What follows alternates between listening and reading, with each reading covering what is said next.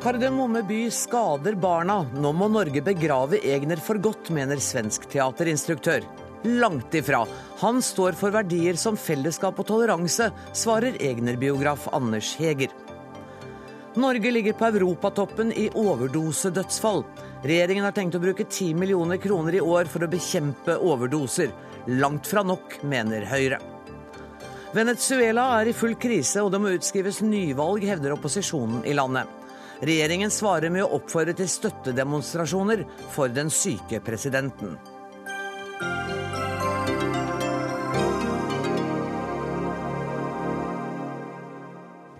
Dette er noen av sakene i Dagsnytt 18 i dag, hvor vi også skal møte en professor som mener at det norske bistandssystemet hører fortida til. Men først skal det handle om kritikk av norsk barneteater. Egners Folk og røvere i Kardemomme by forherliger kvinnen på kjøkkenet. Den forherliger tafatte opprørere og gamle gubber som ikke kan gjøre husarbeid. Verdiene er skremmende lik høyreekstrem retorikk, er beskjeden fra en svensk teaterregissør som for tiden gjester Nationaltheatret. Sofia Jupiter, hjertelig velkommen til Dagsnytt 18. Tusen takk. Eh, det er du som er kvinnen bak eh, dagens kronikk i Aftenposten, der du mm. også skriver 'Kjære Norge, er det ikke på tide å ta skrittet inn i 2000-tallet og begrave Egner for godt'? Mm. Du, hvordan mm. tør du? ja, altså jeg må si at jeg hadde forventet meg reaksjoner givetvis på det her. Men at jeg hadde forventet meg de her vilde, vilde reaksjonene, det hadde jeg jo ikke gjort. altså. Du har vært innom Twitter og Facebook, skjønner jeg i dag? Eh, nei, jeg har blivit fortalt om Twitter og Facebook. Det rekker godt. Men hva er, det, hva er ditt hovedanliggende i den kritikken? Jeg forstår at den er spissformulert. Ja, exakt. Hva er det du egentlig vil? Altså det jeg egentlig vil, det er å prate om eh, barnkultur. Det er det som ligger meg ekstremt varmt om hjertet. Og hva barnkultur er, hva bra barnkultur er, og hva, eh, altså hva vi formidler til våre barn. På hvilket sett vi formidler våre verden og våre vurderinger til våre barn. Og da mener du at uh, folk og røvere i Kardemommeby er feil? Ja, altså alla, Det jeg prater om i den forestillingen som Nationaltheatret har, har lagd, det er det jeg snakker om. Og der syns jeg ikke at det er en bra bild som vi tegner, og bra vurderinger vi formidler til våre barn i den forestillingen. Der, og, og den er datert, og den, den, er skriven der den er skriven og alt sånt. Jeg, jeg vet alt sånt. Men, og, och, det er mange som har sagt til meg i dag og innan at, att vi vet det her. Vi vet den her kvinnobilden, Kan man ikke le åt den och så vidare. Men jeg mener at barn gjør jo ikke det. Barn sitter der i salen og, och tar inn og, och ser alt og får i seg det her. Og det, ja, Det syns jeg at vi skal diskutere. Men, men, samtidig så sier du jo i kronikken din at for nordmenn mm. så er folk og røvere i Kardemommeby et rituale som mm. Lucia eller å ta med kirke, barna i mm. kirken julaften eller sånn. Mm. Um, kan vi ikke få lov å bare beholde de ritualene våre da?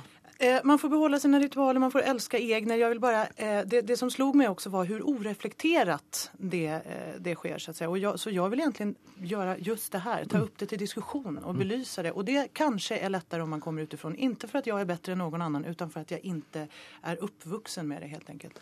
Anders Eger, du er eh, biografen, og du sier til Aftenposten i dag at du ønsker velkommen denne diskusjonen, og du har hørt disse synspunktene fra andre tidligere. Ja, altså synspunktene er faktisk ikke nye. De ble fremsatt på 70-tallet. Særlig kjønnsaspektet, men også det politiske, men den gang med omvendt fortegn. Eh, eh, at Sånn at det er ikke i og for seg en ny debatt som trekkes opp, og myten om at morsomt, Egner Absolutt morsomt, og det er på sin plass, og det skal ønskes velkommen. Og Sofia Jupiter fortjener all mulig takk for at hun gjør det. Eh, men når det er sagt, så er det to store feil som jeg synes hennes artikkel lider under. Og den ene er selvfølgelig at hun skyter med kanon. Altså det er uh, Men hun skyter ikke en spurv? Nei, absolutt ikke. Hun skyter en stor og, og ganske vesentlig ørn. Og hun gjør det på helt feil mål. Altså det hvis for det første er det tvilsomt å drive den typen politisk lesning av et verk for barn.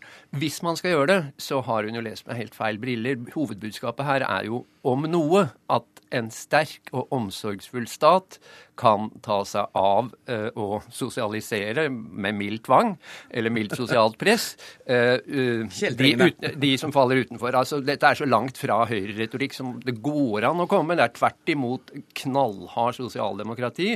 Det har det møtt kritikk for, og det kan det. Så kommer det en del andre aspekter. OK, 50 år gamle verker formidler 50 år gamle verdier til en viss grad. Get used to it. Sånn er det å vokse opp med klassikere, og vi har klassikere.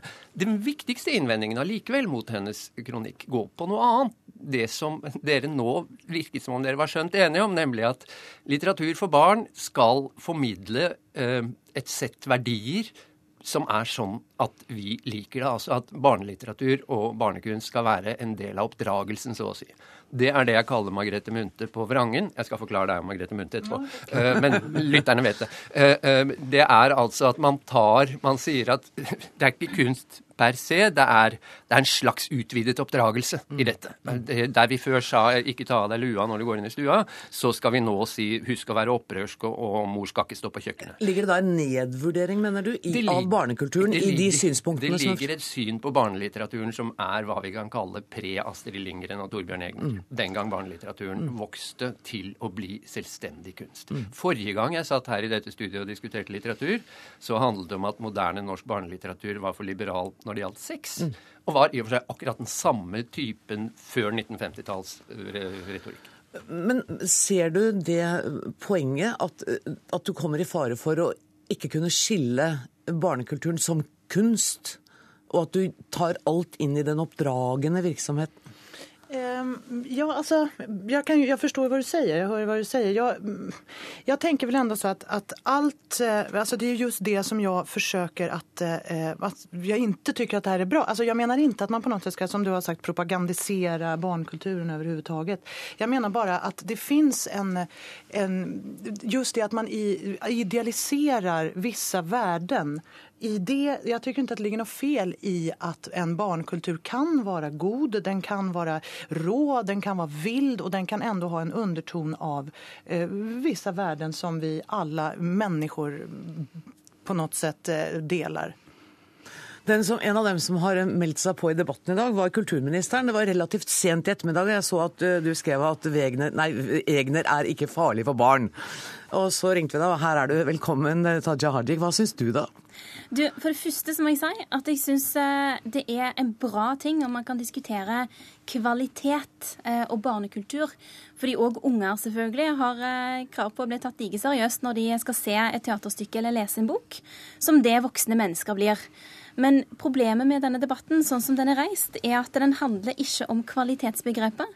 Eh, den handler om at, det er, at historien til Torbjørn Egner kan være skadelig for unger, fordi den formidler verdier som eh, vi i dag mener at eh, er litt for historiske. Og den tilnærmingen den er jeg uenig i. For hvis man hadde brukt den tilnærmingen, så burde ikke unger høre om Emilie Lønneberget, for han får ris på rumpa av far sin. De burde ikke høre om Pippi Langstrømpe. Hun hun er jo både analfabet og lystløgner, eh, og de burde jo heller ikke Altså, hva mummitrollene holder på med i den skogen, det kan vi jo bare lure på. Så den tilnærmingen tror jeg rett og slett ikke er spesielt konstruktivt. Altså, Unger forstår hva som er fantasi og hva som er virkelighet, og man pleier jo òg å snakke med unger om hva de har sett på teater og hva de har lest. Så jeg tror ikke man skal undervurdere de som, eh, som forbrukere av kunst og kultur. Og unger klarer jo å skille mellom fantasi og virkelighet veldig godt. Det gjør de. Og vi ser jo òg at de moralsk korrekte eller politisk korrekte historiene engasjerer jo ikke unger så mye. De blir eh, heller mer engasjerte av å lese om prompepulver og fising, sånn som de kan i, i eh, Doktor Proktor-bøkene til Jo, jo Nesbø. Men, men, Hanne Tømta, jeg må, jeg må, bare si til deg også. Du er jo, du er, ja, du har, vill du ha en kort replikk først? Ja, det skal du få lov til. Det er precis det som jeg mener ikke finnes her. Jeg mener jo at precis den der at prompe i kirken og liksom spise is til middag, det er precis den der eh, politisk inkorrekte holdningen som jeg savner. Ikke at alle barn må bli rebeller, som du sier, men det finnes liksom en Det, det savner jo precis det. At for å få bli med i, en, i et samfunn her, så måtte man vaske seg, og man måtte liksom redde hundvalper, man måtte gjøre alt det der. Annars får man ikke være med. Men, men det er jo noe feminist feministisk ved Jeg mente å si ordet til deg, men jeg må bare jeg komme på det nå. For det er jo noe feministisk ved tante Sofie òg. Hun tvinger jo disse slabbedaskene til å gjøre husarbeid og støvsuge og rydde etter seg. Og hun tvinger jo mannfolka inn på kjøkkenet. Og den, inns, det, den innspillet fikk jeg i dag. Det har jeg ikke sett før. Det skal jeg ta til meg og se jaha, eh, og så skal jeg fundere på på hvilket sett hun er feminist. da, Hanne Tømta, du er jo ansvarlig for, for denne oppsetningen på Nationaltheatret. Um, gikk du litt til forsvar da du så kronikken til Jupiter? Nei, eh, altså jeg ble jo spurt om jeg hadde noe imot at hun som eh, regissør på Nationaltheatret mente noe sterkt om det som går på Nationaltheatret. Og nå har vi jo premiere på et stykke om Bulgakov og Stalin som på ett nivå behandler sensur. Da. Så jeg vil jo si at eh, det vil jo virkelig være å sette seg selv i en merkelig posisjon og ikke eh, fremelske ytringer eh, om det som vi har så kjær. Og samtidig så er jeg jo særdeles enig med kulturministeren i at jeg eh, tror ikke at jeg eh, skader barn ved at vi spiller Kardemommeby på Nationaltheatret. Jeg tror også at barn evner eh, å forstå hva som er eh, reelt, og hva som er på en måte fantasi, og hva som er fra en annen tid i det de sitter i salen. Jeg tror ikke de ser det så Uh, ubevisst, som Sofia innledningsvis hevdet. Så uh, jeg er glad for at vi diskuterer. Jeg er enig i at vi kanskje må være enige om hva vi diskuterer. Her diskuterer vi alt på en gang. For da, for da jeg leste kronikken, så tenkte jeg at det går, an, det går, an, å lese den også som en kritikk av den oppsetningen. At den rett og slett er uh, glansbildepreget, litt fri for dybder. Tenkte du i de baner? Nei, altså såpass Nei, dit hen tolket ikke jeg den når jeg fikk lese kronikken. Og vi vet jo alle, og kanskje Anders Heger spesielt, som har skrevet biografien om Egner, at det foreligger jo en, en form for beskyttelse av Egners originale univers. Og det er jo noe som Nationaltheatret, som jo hadde urpremieren på denne forestillingen i sin tid, hele tiden forholder seg til. og, og vi jeg er stolt over forestillingen i den grad den har evnet å friske det musikalske grepet opp, det visuelle grepet opp. Men da har jeg sett noen av de andre da, på forhånd. Mm, mm. For det første, det hadde du ikke. Det var Røykjavik som hadde, og København slo dere også. Men det norske La nå det være. La nå det være. Jeg mener at det er veldig viktig å ikke havne i en diskusjon der man ender opp med å spørre er tante Sofie feminist eller ikke, er politimester Bastian sosialdemokrat eller er han det ikke. Saken er at jeg mener det er selve grunnholdningen som er feil her. Altså det er Både i synet på barn og i synet på kunst. Det er ikke sånn at barn er kulturkonsumenter som du på en måte fyller med et sett verdier. De ser på kunst kanskje mer avansert enn voksne, fordi de vet så godt å skille mellom lek og alvor, det som fins og det som ikke fins. Altså, det er ikke sånn at du kommer ut av 'Reisen til julestjernen' og er blitt monarkist, ikke sant? Eller at du leser uh, 'Lord of the Rings' og, og tror at det fins tusser og troll. Nei, det er ikke sånn. Det er sånn at man, man bruker kunsten for å se forskjeller fra sitt eget liv. Sånn sett fungerer klassikere, altså den litterære kanonen, nettopp, nettopp, veldig bra. Fordi da har du et fast punkt, som du leser Prompemelk for Afrika eller Doktor Protektor, i forhold til. Og det er, det er, nesten det som er det stilige med å drive med kunst. Altså, jeg, jeg er litt forbaust over at du, ikke, at du ikke ser det. Men én ting til, bare. Jeg skal gjøre det veldig kort.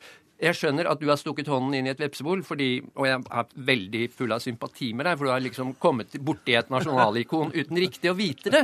Så jeg har tatt med boka mi, så du kan lese den, og så, så ser du liksom hvor svær han er i Norge. Det skal jeg gjøre. Takk. Uh, men, men, du skjønner åpenbart ikke, ifølge Anders Heger, helt denne kunstkonsumsjonen som, som, barn har som selvstendige individer. Du tror at det er noe vi fyller på dem, og så blir de ødelagt? Nei, selvklart ikke. Jeg har en sønn selv som er åtte år. og veldig intelligent og og som tyckte föreställningen var jättebra. Han tyckte det var jättekul när kamelen dansade. så att jag menar, det är ju inte så att jag tror att vi fyller på barn som är tomma kärl. Alltså, det förstår jag också.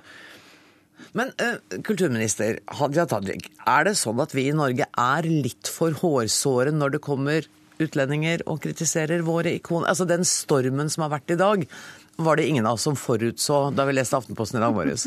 Jeg tror vi trygt kan si at uh, vi i Norge er glad i klassikerne våre. At vi er glad i Torbjørn Egner. Og det er klart at det kan gi det en tilleggsdimensjon at det er en svensk kvinne som kommer og fremfører, fremfører kritikken. Men la oss nå ta det da som, heller som en invitasjon til å diskutere barnekultur. For det syns jeg vi godt kan gjøre mye mer enn det vi gjør i dag. Og det får vi jo også sjansen til, for det stykket som du setter opp på Nationaltheatret nå, det flygende barnet. Ja. Går det an å si at liksom, det er en stor avstand fra Kardemomme by til Ja, veldig stor avstand. Si litt om hva, hva dine ideer med det er. Ja, altså det er återigen det der med barnet. Altså der, for det er jo altså bare for tydelighetens skull virkelig ikke en barneforestilling, utan i aller høyeste grad en voksenforestilling. Men den, det handler jo om et barn. Det handler om barnet i sentrum. Og det handler om eh, de voksne mennesker som eh, ikke er til stede i sine egne liv, som eh, ruser framover. det racet vi holder på med alla till lite till mans, både i mikroperspektivet i familjen, i hemmet, men också samhället i stort med forskning och teknik som fyker framöver och eh, kanske inte riktigt lyckas ta hänsyn till de minsta beståndsdelarna av ett samhälle. Utrotningshotade djur eller små barn eller Og det var ditt prosjekt da du skrev at, at det vi skal gjøre det. Men Anders Heger, du mener at, at ved nettopp dette mangfoldet vårt i barnekulturen, så viser vi jo respekten for disse ungene. Ja, altså, det er jo, Begge deler er selvfølgelig utmerket, og det ville vært forferdelig om vi sluttet, altså om vi stoppet ved Egner. Derfor er en, dette som repertoarpolitikk er det ikke uinteressant diskusjon, nemlig at det har vært hevdet hele veien, absolutt ved hver eneste oppsetning av Kardemommeby eller Hakkebakkeskogen, så har det vært hevdet at det trenger bort moderne norsk dramatikk. Det er jo en interessant debatt, altså.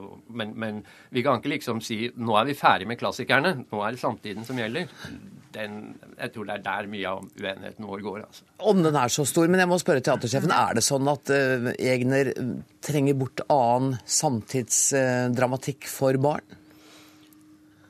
Har du valgt bort noen Nei, jeg opplever ikke eh, akkurat eh, i dette tilfellet at det er sånn der. Men jeg, eh, du kan jo si at eh, Nationaltheatrets hovedscene, som gjør disse store, klassiske barneforestillingene primært sett, som selvfølgelig, og det trenger vi ikke å jukse på, treffer et bredt publikum, er jo da sånn sett et sikrere kort enn å utfordre med noe nytt. Eh, men, men det er jo som vi sier når vi har Ibsen-festival, om Ibsen da fortrenger de norske samtidsdramatikerne. Det, alt er jo et valg i en stor repertoarvifte, og jeg tror ikke det er enten-eller. Men Nationaltheatret kunne gjerne ha spilt flere mindre moderne forestillinger for barn, i tillegg til egne. Vi syns vi nærmer oss et punkt her hvor altså, Sofia Jupiter, vi er enige om at vi kan ikke begrave egne for all evighet. Det kommer aldri til å skje. Kan du leve med det? Det har jeg forstått. Det er helt ok. Og, og teatersjefen oppfordrer til eh, enda mer eh, dramatikk for barn. Ja. Det er rene Kardemommeby, dette her. Tusen takk for at dere kom. Anders Heger, biograf, Sofia Jupiter, regissør, eh, Hanne Tømta, teatersjef, og Hadia Tajik, som er kulturminister.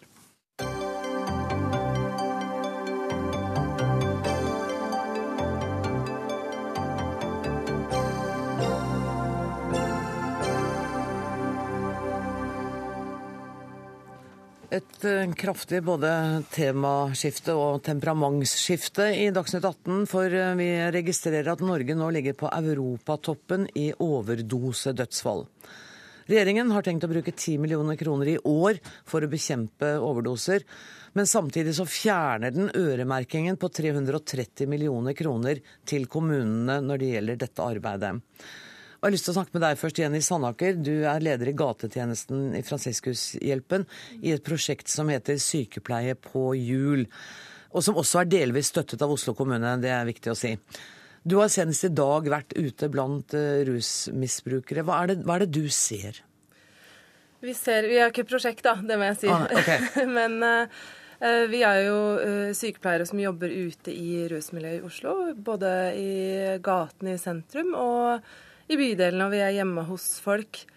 Og det vi ser, og som jeg tenker er viktig å si noe om i den debatten som vi nå skal liksom ta opp, er at vi ser veldig mange forskjellige mennesker. Eh, Vi ser eh, veldig mange forskjellige historier. Vi ser forskjellige grunner til at man ruser seg. Vi ser mennesker som er aktivt i rusbruk over lang tid, og vi ser noen som pendler mellom rusfrihet og det å ruse seg. Så vi ser veldig mye forskjellige folk og veldig mye forskjellige tilstander og skjebner, og man må huske på at hvis man skal gjøre noe med uh, hvor de er hen i livet, så må man eh, passe på at man tilrettelegger og tilpasser hjelpen til den enkelte situasjonen, der hvor de er, og hva slags hjelp de trenger for sine problemer. Og på det du sier, så høres det ut som de behovene kan være veldig ulike. De kan være veldig ulike. Ja, Både fra situasjon til situasjon og fra menneske til menneske. ja absolutt. Hvordan er, hvordan er en, kan du beskrive kort en vanlig arbeidsdag? Um, ja, en vanlig arbeidsdag for oss er jo en uh, uvanlig dag. vi begynner på jobb klokka ni og ordner det vi skal inn, sjekker telefon og mail og, og, sånn, og så drar vi ut. Så vi er ute hele dagen mellom uh, stort sett ti og fire. Og vi har noen faste stopp i løpet av uka. Vi er oppe på Sagene Torshov uh, i samarbeid med Nav der, i et sånn botiltak for mennesker som som bor i den, den, bydelen der. Og der det, treffer vi mange som ruser seg og eh, si, er til stede for dem. Hjelper de med spørsmål de måtte ha, veiledning. Vi deler ut rent brukerutstyr. Og vi steller sår for de som eh, ikke klarer å komme seg til andre hjelpetiltak hvor de kan gjøre det. Og ellers er vi utafor Alik Oslo en dag i uka et par timer også, og treffer de som selger bladet Alik Oslo. Hvor de veit at på onsdager, da, som vi har vært i dag, mellom ett og tre, så kan de komme og møte oss utafor der. Og ellers så er vi oppsøkende. så det vil Si at eh, etter hvert som rusmiljøet flytter seg i Oslo, for det gjør det jo, så flytter vi etter dem. Eh, vi er hjemme hos folk. De kan ringe oss, sende oss en melding, vinke til oss på gata. Vi lager avtaler, vi kommer på hybler. Vi er, vi er der hvor våre brukere er, da. Og prøver på en måte å hjelpe dem med det vi kan. Og da er målet vårt skadereduksjon. Nettopp. Skadereduksjon. For det du, det du, sier, er at man trenger altså tiltak som hjelper den enkelte, avhengig av hvilken situasjon den enkelte er i. Wenche Olsen er medlem av Arbeiderpartiet helse- og omsorgskomiteen. Eh, ti millioner kroner i året. Når du hører dette arbeidet, hører at den enkelte trenger veldig mye mer. Da høres ti millioner lite ut. Jeg tror at vi må ha fokus på det at det viktigste er ikke også Vi kan ikke bevilge oss ut av det med overdoser. Eh, vi må se hva det er som virker, og så må vi lære av det, og så må vi gjøre mer av det. Det derre mantraet med at dere skal lære av noe det er jo ikke, Dette kommer jo ikke som julekvelden på kjerringa. Vi har visst at vi har ligget høyt oppe på den statistikken. Nå er det altså 294 personer i 2012 som døde av overdoser. Mm. Det er jo ikke sånn at å, nå fikk vi en overraskelse, og nå skal vi begynne å lære. Dere har hatt mange år på dere. Ja, det har vært mange år gjennom flere regjeringsperioder hvor det her er en stor utfordring. Så hadde man LAR-systemet, og man så en nedgang i det, og så har det stagnert. Men det vil jo si at hvis man ser f.eks. til Trondheim kommune, hvor man har dette helseteamet eller det overdoseteamet, så ser man jo at de har jo klart å redusere overdosene betraktelig med det teamet og det jobbet som det gjør. Og det gjør jo mye av det samme som Fransiskushjelpen snakker om her. Altså de er et oppsøkende team. De går ut til de rusavhengige, de gjør sårstell, Og dette de er begge deler gjort i regi, delvis regi av kommunene. Og dere vil, har kutta 330 millioner som var øremerka til dette arbeidet til kommunene? Nei, vi har ikke kutta det, men vi har lagt det inn i ramma. Ja. Og sånn er det jo veldig ofte med opptrapping. Men det betyr i realiteten å kutte? Og da vil jeg si at det er veldig forskjellig. Altså, noen kommuner har fått mer, og noen har fått mindre. To kommuner som var på barrikadene og, og snakka veldig om dette før i jul, også Bergen og Fredrikstad, de har allikevel klart å prioritere det her og lagt det nå inn i sine kommunale budsjetter. Det betyr jo at dette er nå da gått fra å være prosjekter og tiltak til å nå bli en varig kommunale eh, tiltak som de fører videre. Kari Kjos, du sitter i helse- og omsorgskomiteen for Fremskrittspartiet. Du er ikke helt fornøyd med regjeringens plan? Nei, og jeg er uenig når eh, Wenche Olsen sier at man ikke kan bevilge seg ut av dette. Og jeg skal gi et godt eksempel på det. En ung jente på 22 år som hadde tre overdoser i januar, ble ansett som veldig akutt, trengte hjelp. Så akutt at hun fikk behandling i juni. Da er det bare et under at vedkommende ikke døde fra januar til juni.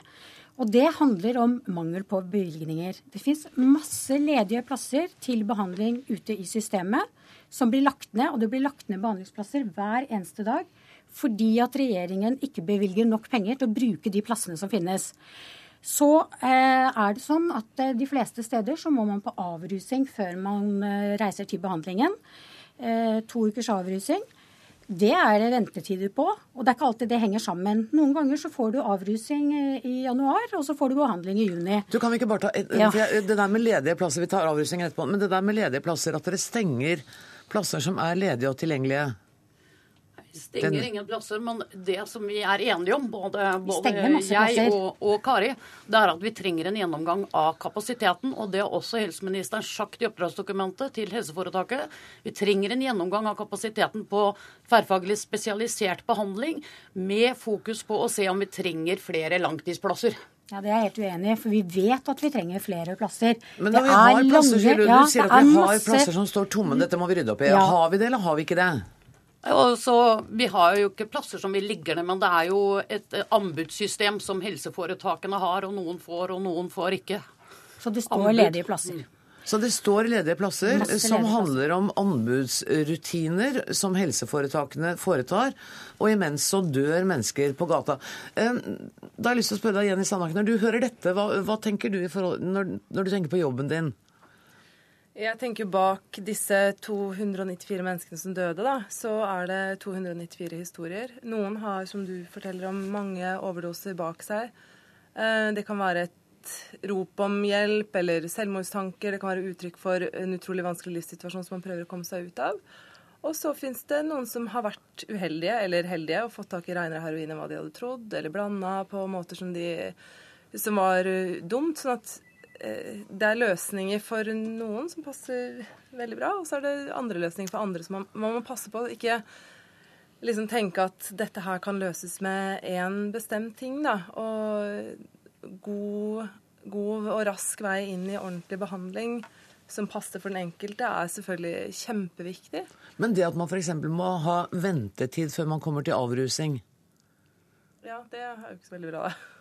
Men det skjer jo. Ja, og man burde Hvis vi snakker om avrusning, hvis det skal være eh, liksom en, hjelp i forhold til å bekjempe overdoser, så er det viktig at man får lov å komme inn når man er motivert og får hjelp eh, fort. For man vet jo alle som har prøvd å slutte med noe, eller disse januar-nyttårstider og sånn. Ja. Altså sånn. Det må skje når du har lyst til at det skal skje, ikke sant? Ikke et halvt år etterpå. Etterpå. Eh, Så det er, det er kjempeviktig. Vi ser jo litt også om det som du er inne på. Når er det man tar, overdose? ikke sant? Det er, ser jo at mange det er når de kommer ut fra fengselet.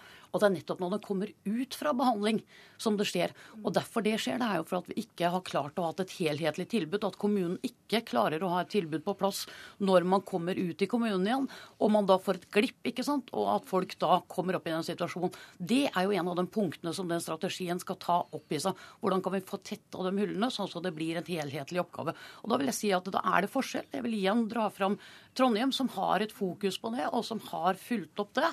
eh, Og som også følger opp, dem, følger opp dem som de vet er i faresone for å ta overdose. Og de er ikke sånn at de må komme til dem på et kontor, men de oppsøker dem. For det er veldig mange som, eh, som ikke oppsøker sjøl. Og så er det sånn at når noen har tatt en overdose, så rykker det teamet ut, innkalt av av AMK, og så får de et tilbud nettopp om det du sier. Eh, Både en sjekk på et sykehus for å se om det er noen somatiske plager de har i tillegg som de kan få hjelp til, og også veldig ofte tilbud om behandling. Men 80% av dem ønsker ikke det. Altså. Så vi må også ha fokus på at det er en del som ikke ønsker det, og da må vi også kunne gi et godt tilbud. Men, men det er Trondheim kommune, og det du sier nå, er at dette er kommunenes ansvar. Og da må jo dere bare kaste kortene, da. Ja, ja, fordi det reagerer på at, hun, at Wenche Olsen nå liksom drar fram dette med kommunene som ikke tar tak i de som kommer fra behandling, og at det skjer overdoser. Det er jo nettopp derfor det er så skrekkelig at man har kuttet 330 millioner øremerkede midler til kommunene og gjort dem om til rammene så de kan bruke det på hva de vil av andre tiltak.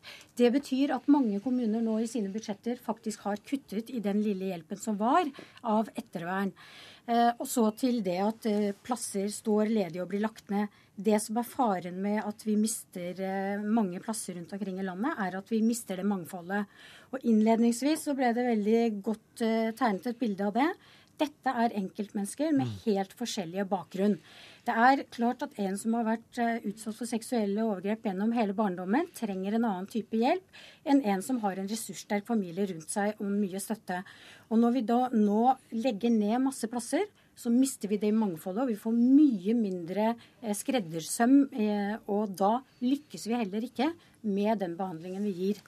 Men nå sier Wenche Olsen at man lærer av de tallene man har. Um, sånn at Jeg har bare lyst til å avrunde med å si at jeg ønsker til alle tre velkommen hit om et år, når tallene har gått ned, når menneskeliv er eh, spart, og hvor Norge ikke har denne skamfulle toppledelsen. Tusen takk for at dere kom i studio.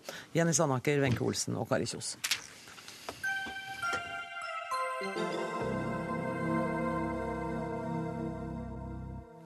Venezuela er i full konstitusjonell krise, sier opposisjonslederen i landet, Enrique Capriles. I morgen skulle Hugo Chávez avlegge sin ed og innsettes som president etter at han valgt, valgt, vant valget i oktober. Men fordi den kreftsyke presidenten er innlagt på sykehus på Cuba, er presidentinnsettelsen utsatt. Frilansjournalist og Venezuela-kjenner Eirik Wold. Hva er det som får opposisjonen til å hevde at Venezuela er i en konstitusjonell krise fordi presidenten er syk? Chávez har jo ikke vist seg offentlig på snart en måned. Og han kommer altså ikke til å bli tatt i ed eh, i morgen i nasjonalforsamlingen. Eh, det er noe av grunnen. Men så er det også en paragraf i Grunnloven som åpner helt klart og tydelig for at en president kan tas i ed eh, ved Høyesterett på et senere tidspunkt. Så dette utspillet til Caprilis kan man kanskje se på litt mer som et, et, politisk utspill, en måte å posisjonere seg på foran et eventuelt nyvalg dersom det skulle komme til det. Ja, For landet har jo en visepresident som, som fungerer, eh, ikke sant? Det stemmer. Og som er utpekt av Chávez. Det er korrekt. Eh, og hvis edsavleggelsen utsettes med mer enn én en måned, da oppstår det et reelt problem for visepresidenten? Det er eh, forskjellige tolkninger av akkurat når okay. dette her eh, problemet vil oppstå. Eh, det, spørs, det er to definisjoner, såkalt midlertidig fravær, absolutt fravær. Men det som er helt sikkert, er at flertallet i nasjonalforsamlingen, som altså støtter Chávez, de kommer til å forsøke å, å, å, utsette et nyvalg så lenge det er håp om at Chávez kan komme tilbake og, og bli frisk igjen. Altså, det er bare tre måneder siden Chávez vant valget. De vil gjøre sitt beste for at, for at han skal få fullført det mandatet som han fikk ved det valget. Korrespondent eh, Anders Tvegård i USA. Eh, de håper altså at Chávez skal komme tilbake. Hva vet du om hans helsesituasjon nå? Altså Detaljene er ikke kjent, men han har ikke vist seg på snart eh, fire uker. Folk som har besøkt ham på sykehuset i Havanna, omtaler tilstanden som svak eller, eller skjør, med, med, få forbedringer etter kreftoperasjonen. Hva slags type kreft 58-åringen har, er heller ikke kjent, men det er altså fjerde gang han blir operert på Cuba på halvannet år. Myndighetene de sier at de jevnlig blir oppdatert på helsesituasjonen. Det er klart at det da er en alvorlig tilstand når han ikke kan stille i nasjonalforsamlingen for å bli eh, tatt i ed. og Det åpner jo også for spekulasjoner om hans eh, politiske framtid. Og I går sendte, sendte amerikanske myndigheter en god bedringhilsen til Chávez.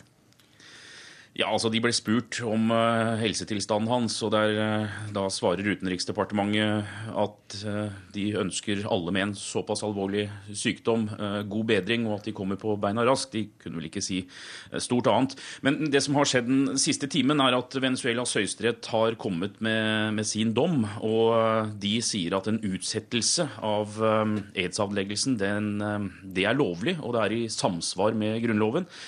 Og regjeringen kan eh, også fortsette mens eh, Chávez er, eh, er på Cuba. Det, det, betyr jo en reell avklaring i forhold til den noe kaotiske situasjonen som var tidligere i dag. Men Anders, bare litt, litt om forholdet mellom eh, Venezuela og USA. Eh, hvordan har det vært i den tiden som Chávez har vært president? Ja, Han har jo styrt i eh, snart 14 år, og han har jo vært en uh, synlig og kontroversiell uh, leder. Han støtter Cuba, Hviterussland, Iran, Syria. Land som USA ikke har en særlig god, god tone med. Og Chávez har også vært en, en USA-kritiker. Forholdet har vært kjølig. Og um, USA ser gjerne at det skal være et uh, regimeskifte uh, i, i, Venezuela. Nå har jo du f.eks. Chávez, som har Cuba som et slags forbilde, for å si det enkelt, mens Capriles han vender seg mer mot, uh, mot Brasil. Tusen takk for at du var med, Anders Tvegard. Eirik Wold.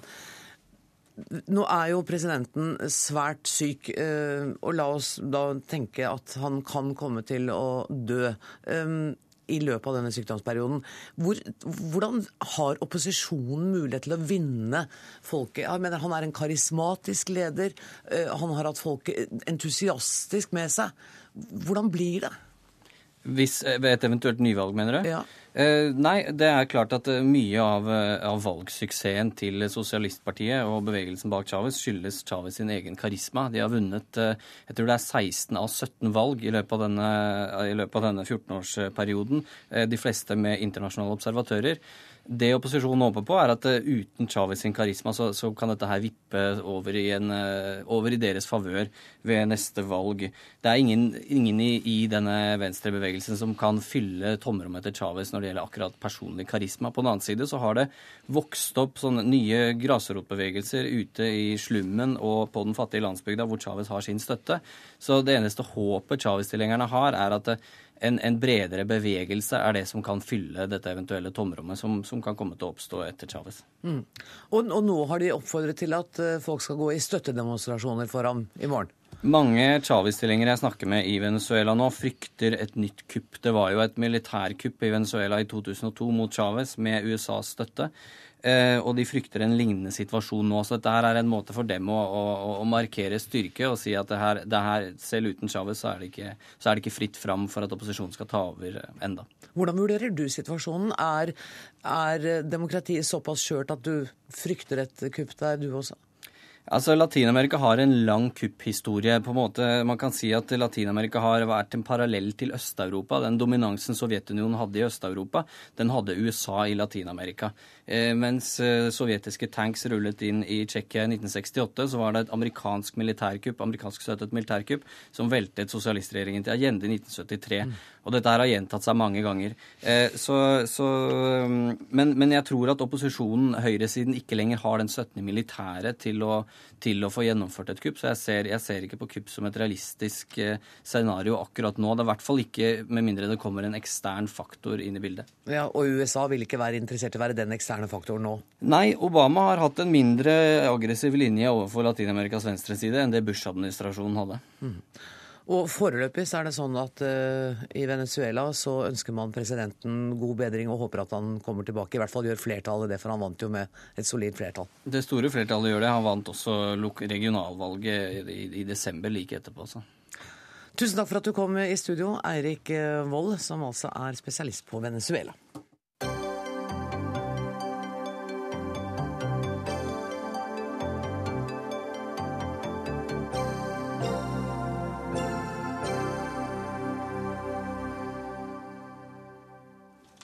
Det norske bistandssystemet må gjennom en full oppussing hvis de milliardene vi gir hvert år skal gjøre nytte for seg. Det skriver du i en kronikk i Aftenposten, Arne Olav Øyhus, professor i utviklingsstudier ved Universitetet i Agder.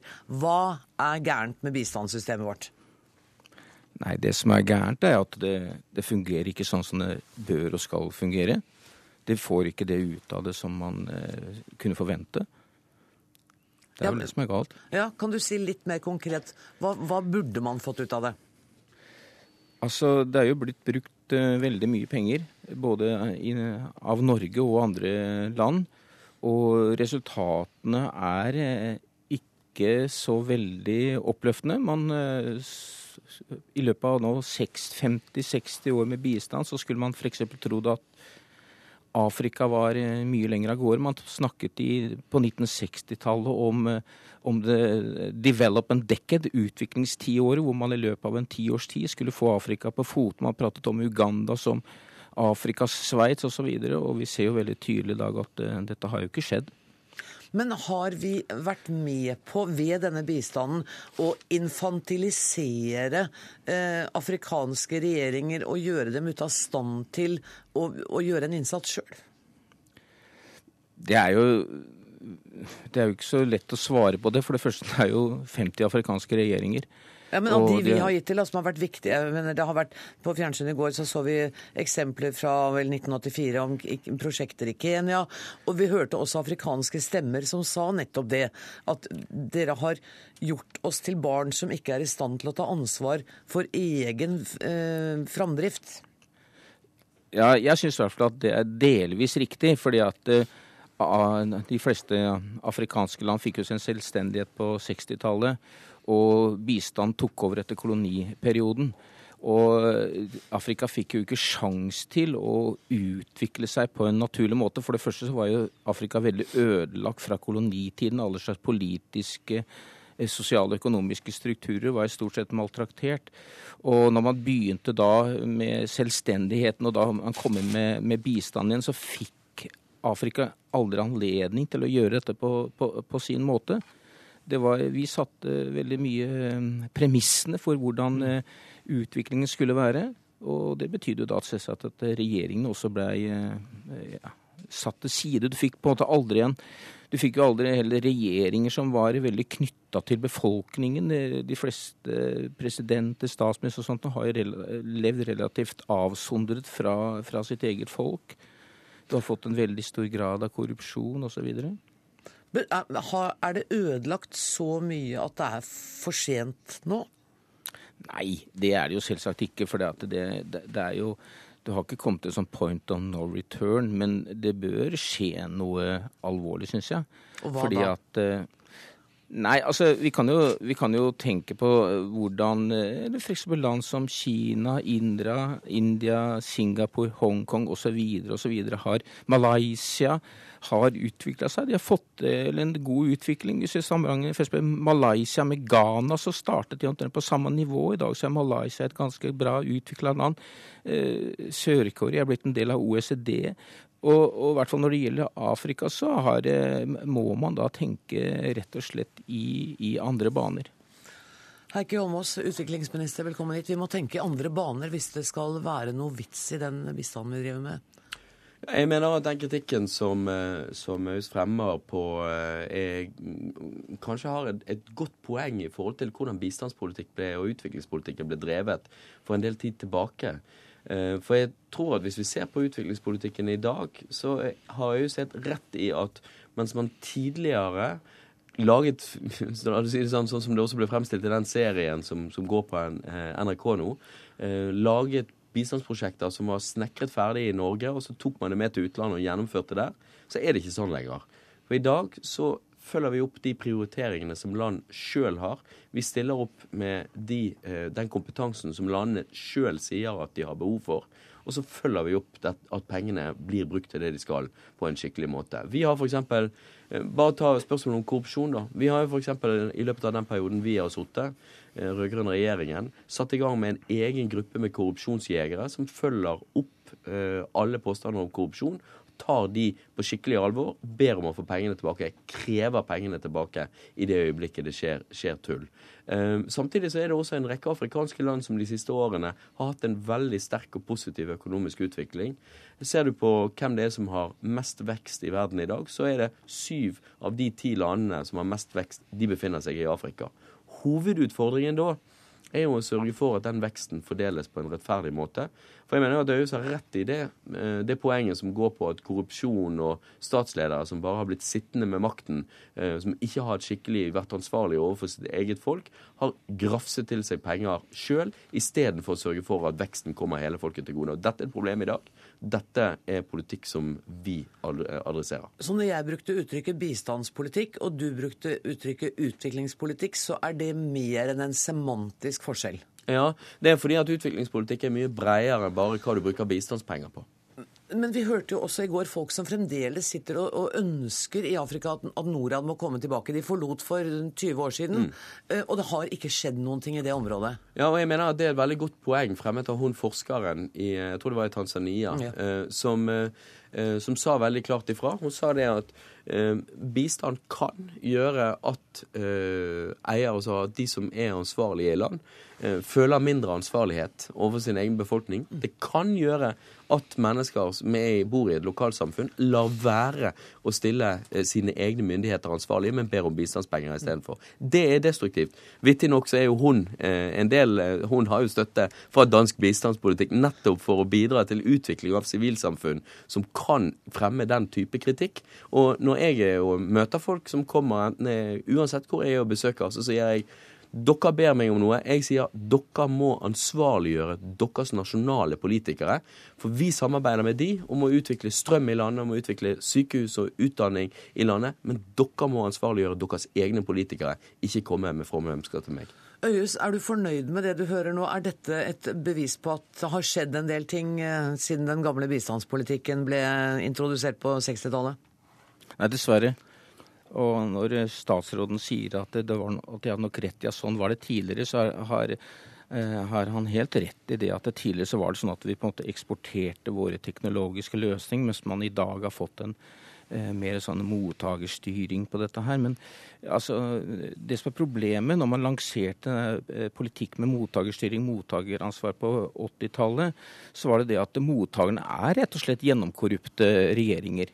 Og når mottakerne skal på en måte styre dette her, sånn, så er det på en måte som å be eh, mafiaen styre bybudsjettet i, i, i Napoli.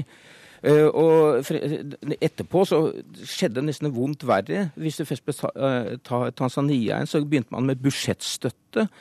Slik at uh, tanzanianske, og Hvis du ser på stans, tanzanianske statsbudsjett i dag, så er det i veldig stor grad rett og slett uh, finansiert utenifra etter 50-60 år. Mens Tanzania sjøl er så gjennomkorrupt. Jeg er sikker på at uh, statsråden har hørt om Richmond-affæren f.eks. i Tanzania.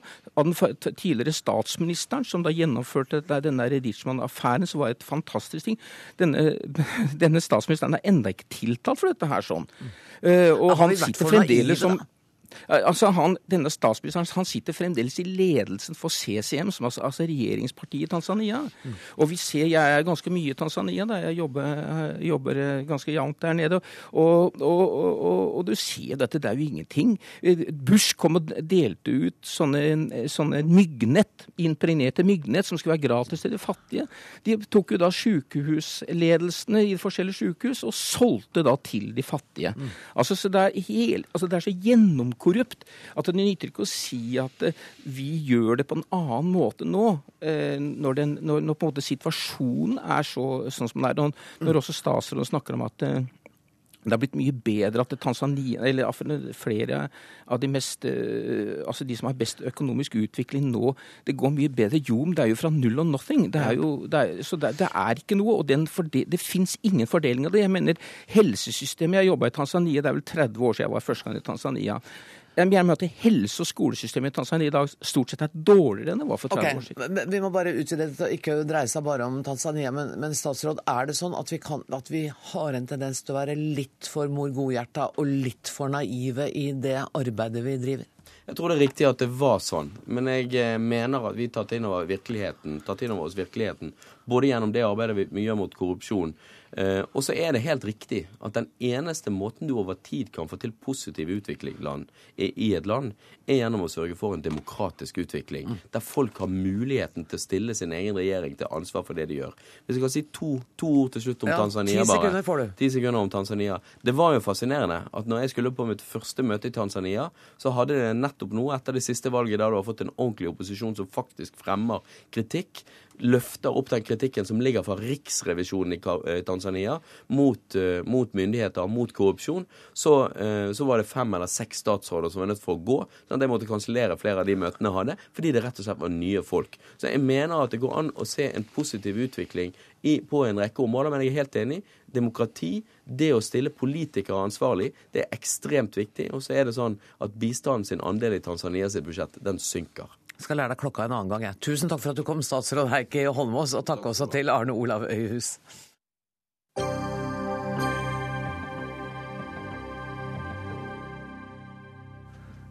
Og da skal vi til Den norske opera og ballett, hvor årskonferansen til NHO nå er ferdig med det faglige innholdet for i dag. Nå er gjestene på vei til middagen. Og reporter Sara Victoria Rygg, hva kan makteliten eh, vente å få å spise og drikke i kveld? Ja, det er mye godt å ete, og det er mye godt i glasset. Og fest eh, blir det uten tvil. Om en liten stund nå så åpner dørene her. og Glade og smilende gjester kommer til å straume inn eh, døra. Og etter en lang dag med faglig påfyll, så tror jeg de fleste gleder seg til litt påfyll i glasset. I løpet av kvelden så blir det taler, det blir middag, kanskje litt dans og muligens et nachspiel på Lorry, hva, hva veit vel jeg. Middagen den kan jeg iallfall glede seg til. Det blir servert lekre retter, og Dagsnytt 18 kan avsløre at det er tradisjonell norsk mat med hovedvekt på sjømat som står på menyen, og det blir garantert deilig. Er det litt feststemning allerede, selv om dørene ikke er helt åpnet ennå? Ja, det er litt sånn spenning før festen. Det står og tripper, og champagnen er skjenket opp i glasset. Og, og de jeg har sett til nå, har fine, fargerike kjoler på seg. Mennene har pynta seg i, i dress, og det er ikke et skeivt slips å se noen plass. Og apropos slips, så kan vi fortelle at den store snakkisen på, på konferansen i dag har vært olje- og energiminister Ola Borten Moe sitt eh, noe uvanlige slips. Han hadde valgt et slags bunadsslips med broderte roser. Jeg har ikke sett den her enda, så jeg kan ikke si om han har holdt fram med denne sprelske motepåfunnet. Men det er godt mulig han har gjort det. Uansett så er folk eh, glade, fine og eh, klare for moro. Jeg håper at du nå står ved siden av to av Norges mektigste mennesker. Eh, dagens vert, administrerende direktør i NHO Kristin Skogen Lund, og leder i LO Roar Flåten. Jeg håper det stemmer? Det stemmer. I år har Kristin Skogen Lund, i år har dere kalt årskonferansen Oppdrag energi. Har konferansen svart til forventningene så langt? Ja, vi er veldig fornøyd. For dette var jo et litt vanskelig og komplisert tema, og med ganske så mange interessemotsetninger i utgangspunktet også. Men her syns jeg vi har klart å balansere det veldig fint. Og vi har fått fram hva som er de vanskelige dilemmaene, men også veldig mange forslag til hva som må være løsningene på det. Dere har en målsetting om at Norge skal bli Europas grønne batteri. Hva innebærer det? Nei, Det det går på er at vi, eh, vi kan nok ikke betjene hele Europa med det, men vi mener at det ligger et potensial i at Norge kan være en energibank for deler av Nord-Europa. og Det betyr at når de skal bygge ut mye fornybar kraft i form av vind og sol, så vil det være perioder hvor de produserer for mye når sola skinner og vinden blåser. og Da må de kunne gjøre av den kraften et sted. Den kraften er billig, den kan de sende til Norge, og så bruker vi den, og ikke vår egen skrur av vannkraften og bruker den. Og så, når de trenger kraft, når det er mørkt eller natt eller vinden ikke blåser, da kan vi skru på våre vannmagasin på fulle mugger og eksportere noe av den kraften, slik at vi utligner og altså en, hjelper til å balansere svingningene i deres egen kraft. Det er det vi snakker om. Vi snakker ikke om frislipp av massiv krafteksport. Nei, la oss i hvert fall ikke gjøre det foreløpig, for foreløpig snakker vi om disse kablene. Og der har jo du, eh, LO-leder Roar Flåten, vært veldig kritisk til forslaget til Skogen Lund. Hvorfor det? Ja, nå har jo eh, dette vært en veldig god konferanse, må si det. Men eh, det er vel kanskje dette temaet som eh, det er litt uenighet om. Jeg håper da det. Og Vårt utgangspunkt er at vi må ha en balansert kraftutveksling med Europa. Og Det er for å ivareta også de nasjonale interessene, og ivareta at vi skal ha verdiskapningen på denne fenomenale miljøkrafta i Norge. Og det er som Rikard Brandtzæg eh, fra Hydro i dag sa det, at eh, det er mye bedre å eksportere eh, denne energien i flytende form og sette denne kraften i arbeid. Og Derfor går vi inn for en balansert kraftbalanse med Europa. Men det går vel an å se på Skogen Lunds forslag også som en balansert kraftutveksling? Ja, vi eh, føler vel at de går noe lenger enn det som vi eh, har blitt enige med Norsk Industri og Norsk Energi om eh, var en balansert utvikling. Og det er det som regjeringen også har lagt til grunn med de kablene som nå er prosjektert. Og Ønsker man å gå lenger enn det, så er det nok en stor fare for at vi blir mer påvirka av høyere energipriser som de har i Europa. Hvorfor det? Hvorfor skulle det føre til høyere energipriser? Jo, for det til mer du åpner det norske kraftmarkedet til Europa, til større påvirkning kommer Europa Europa til å ha på de norske kraftprisene. Og det er mye dyrere å produsere kraft i Europa enn i Norge. Eh, så det er ikke noe tvil om at eh, hvis du gjør dette i for stort omfang, så kommer det til å ha negative følger for industrien. Vi ønsker jo at først og fremst denne krafta skal bidra til verdiskapning i Norge. Men vi har allerede en del krafteksport og import, og det er helt nødvendig. Så det er, ikke, det er liksom ikke svart og hvitt, dette. Nei, Det skjønner jeg, men, jeg skjønner at det er nyanser. Og Kristin Skogen Lund, eh, det som Flåten sier om at det kan, ditt forslag med kabel kabler som hvor vi kan sende strømmen ut, vil, kan føre til høyere priser for industrien og for oss forbrukere i Norge. Har dere ikke tenkt på det? Det har vi tenkt på, og dette er veldig godt forankret med både norsk, norsk, industri og norsk energi. Selvfølgelig er det det, og LO også har vært med på det arbeidet. Det som kommer til å skje, er at vi kommer til å få eh, flere hester å spille på i energitilførselen. Det er viktig for vår forsyningssikkerhet, og det kommer til å bety at vi kommer til å få mer stabile priser og ikke så store svingninger som vi har nå. Det har en egenverdi at man får en større stabilitet i det prisregimet.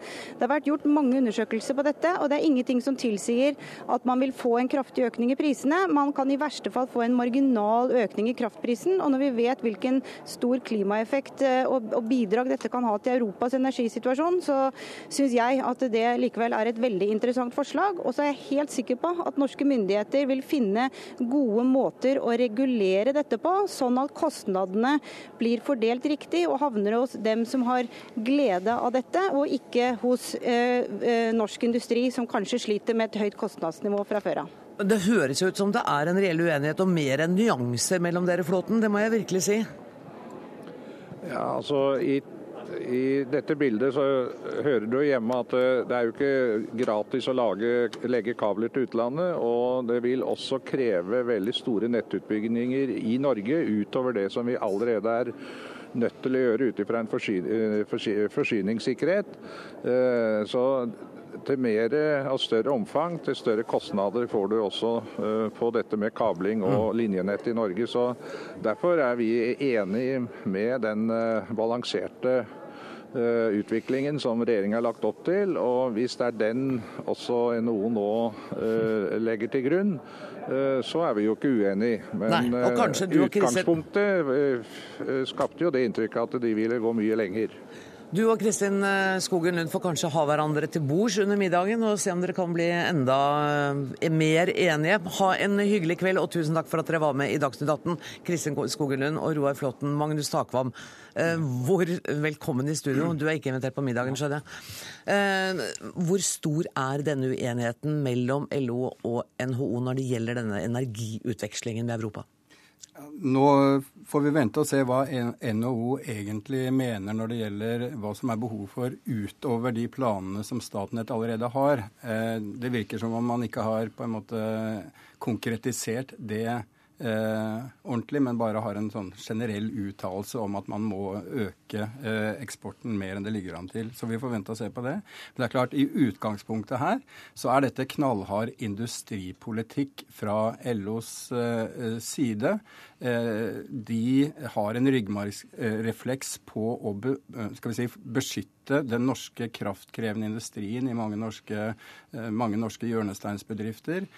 Og frykten er, som vi hørte Forlåten gi uttrykk for her, at er det for lett å eksportere eh, norsk kraft, så vil prisnivået lett justere seg etter prisnivået i utlandet, og risikere i hans verden å slå ut norske miljøvennlige eh, aluminiumsbedrifter osv. På den andre siden av denne interessekonflikten har vi kraftprodusentene, som selvfølgelig ser mulighet til å tjene masse penger på å eksportere da til, til utlandet når man har overskudd. Pluss de fleste i miljøbevegelsen som ser dette som en boost for norsk fornybar kraft. Så her er det reelle interessemotsetninger ute og går. Nå sa jo statsråd Ola Borten Moe tidligere i dag at, at det er litt, uh, litt for enkelt av NHO å basere dette strømoverskuddet vi har på, på at det faktisk har vært mye nedbør de siste tre årene. At, det virker litt urealistisk, det de driver med? Ja, og det kom vel også fram i dag at hvor stort potensial har da Norge egentlig som det såkalte grønne batteriet? Det ble i hvert fall lagt fram eh, anslag på at Altså, det, I Tyskland f.eks., hvis vi bare snakker om Tyskland, så forsto jeg det slik at det behovet Tyskland har for å ha ny kraft for å uh, veksle ut når, når, vinden stopper å blåse og sola ikke skinner lenger, uh, det kan Norge levere kanskje 10% av. Sånn at dimensjonen på det er ikke så voldsom som man ofte kan få inntrykk av at Norge kan på en måte forsyne hele Europa med denne utvekslingsstrømmen. Nei, for Det får man litt inntrykk av når man hører statsministeren mm. uh, si at eh, Norge har en forpliktelse både på å gjøre eh, Europa mer klimavennlig og på å sørge for at ja, bare, Han sa vel ikke bare Europa, men hele kloden. milliarder av mennesker trenger strøm. Har vi et litt stort ego her? Ja, det var vel et, altså Man bruker argumenter i ulike sammenhenger. Det argumentet er vel et forsvar for å fortsette å utvikle norsk petroleumsindustri, norsk gass osv. Okay. Eh, så, Jeg blanda det litt der, ja. ja. Det er mulig. Men eh, et annet poeng som, som kom fram i dag, som, jeg, som bl.a. representanten for IEA, altså Det internasjonale energibyrået, eh, la fram, er at det har skjedd en slags revolusjon i hele energimiksen i verden ved at USA har oppdaget og begynt å utvinne denne såkalte skifergassen, som er veldig lett tilgjengelig. Og, og den har gjort at USA slutter å bruke kullkraft. Kullkraften blir så billig at i Tyskland bygges f.eks. nye kullkraftverk. Og Dermed er det ikke gitt at norsk gass, som da blir vanskelig å prise, uten videre kan erstatte kullkraft. Så her er det mange ting i bevegelse. Og vi må slutte. Tusen takk, Magnus Takvam. Dagsnytt 18 er slutt. Ansvarlig var Dag Dørum. Jeg heter Anne Grosvold. Ved det tekniske spakene satt Finn Lie. Takk for i dag.